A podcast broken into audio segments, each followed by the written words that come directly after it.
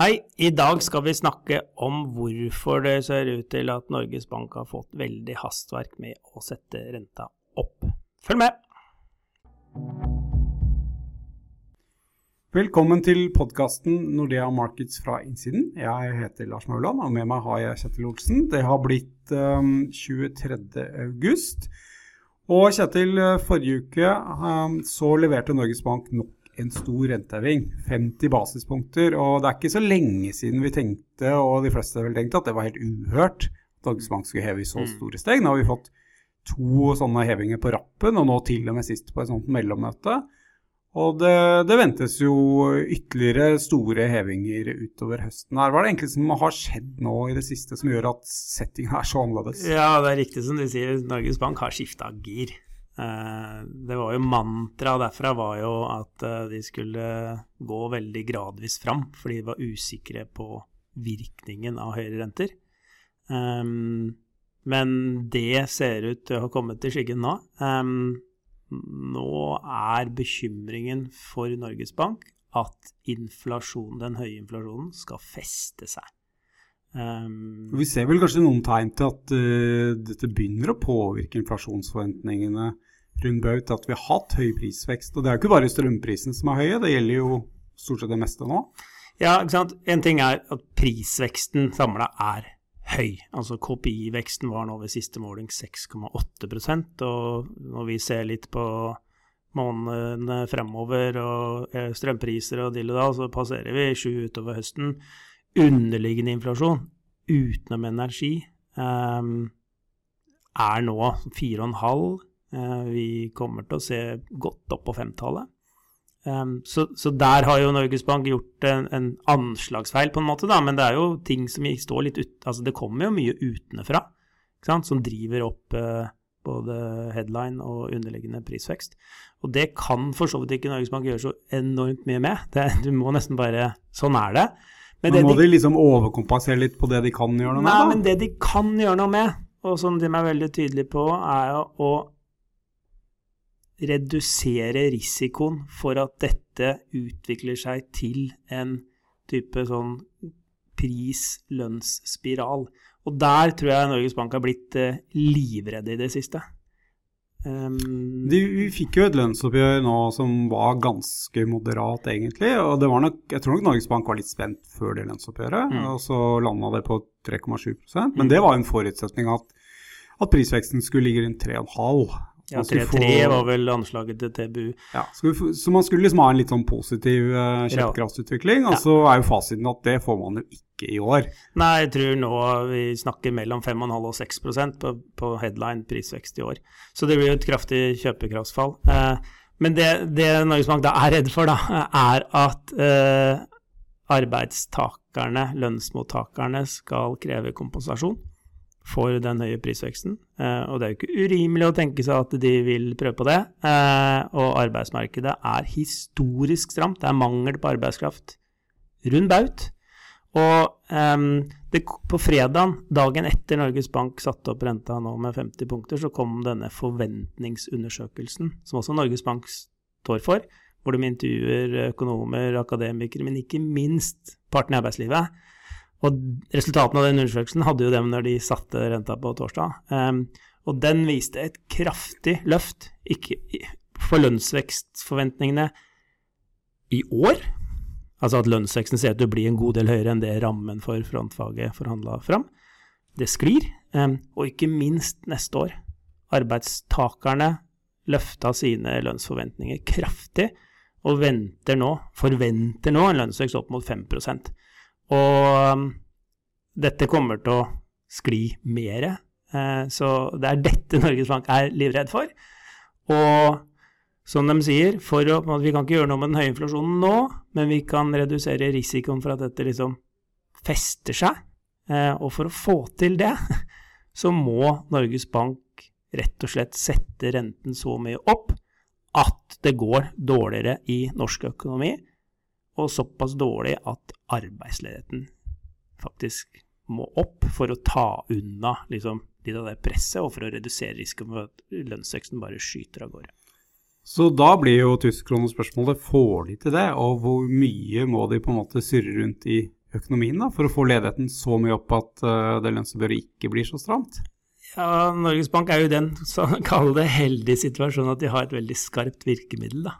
Eh, det slår veldig fort inn i folks og bedrifters eh, lånekostnader, fordi nesten alle ligger flytende. Så til forskjell fra amerikanske sentralbank, så har de sånn sett en lettere jobb. um, nei, hvor mye du må ta i, det er jo det store tusenkronerspørsmålet, og det har vært i drift uh, gjennom året. Um, jeg kikka litt på liksom, renteprognosene som har vært levert. Uh, hvis du bare sammenligner med det som var levert her i desember i fjor, rimelig mye høyere enn det vi ser for oss nå. Um, så usikkerheten fremover har økt kraftig. Ja. Og et sted som vi kan vel regne med å se effekten kanskje først er kanskje i boligmarkedet, eller i hvert fall eh, hva folk er villige til å betale for for bolig, eh, men så kraftig økning i lånekostnaden, så, så, blir det dyrere å kjøpe bolig nå.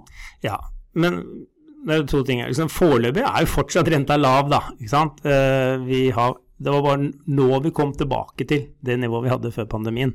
Um, og så skal renta videre opp, og det kommer til å bite. Og det reduserer kjøpekraften, som du sier, i boligmarkedet. Uh, denne boligmodellen vi har, uh, hvor vi regner på liksom sånn gjennomsnittsnordmannens kjøpekraft i boligmarkedet, altså gitt at man skal betale en konstant andel av inntekt i renter og avdrag, så faller kjøpekraften med sånn drøye 15% eller noe. Um, og så er det ikke gitt at boligprisene faller like mye, men at det vil gi et nedsidedrag i boligprisene. Og så er spørsmålet når, når kommer det? fordi det fortsatt er jo bare forventninger at renta skal videre opp, da. Og det kan nok være at uh, det er noe annet når det blir levert. Ja, det må liksom, rentene må komme opp først, ja, før du liksom ser noen reak sånn ordentlig reaksjon. Um, men det er jo én kanal, på en måte. Men det andre er, og viktigste er jo at dette her bidrar til lavere kjøpekraft hos ikke bare i boligmarkedet, men i den alminnelige privatøkonomien. Ja, så rett og slett mindre penger igjen på konto når mm. boliglånet er trukket. Mm. Men så vet vi jo samtidig at uh, har spart opp og lagt seg opp egentlig ganske mye penger uh, under pandemien.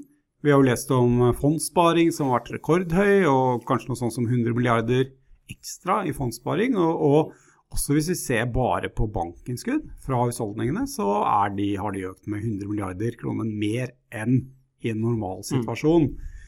Så øh, man har jo en liten buffer her, da, kanskje før man må begynne å kutte ned på annen type forbruk? Ja, det er jo det som er. ikke sant? Renta ble satt til null i pandemien. Eh, de fleste tross alt beholdt jobben, hadde lite å bruke penger på fordi mye var stengt ned.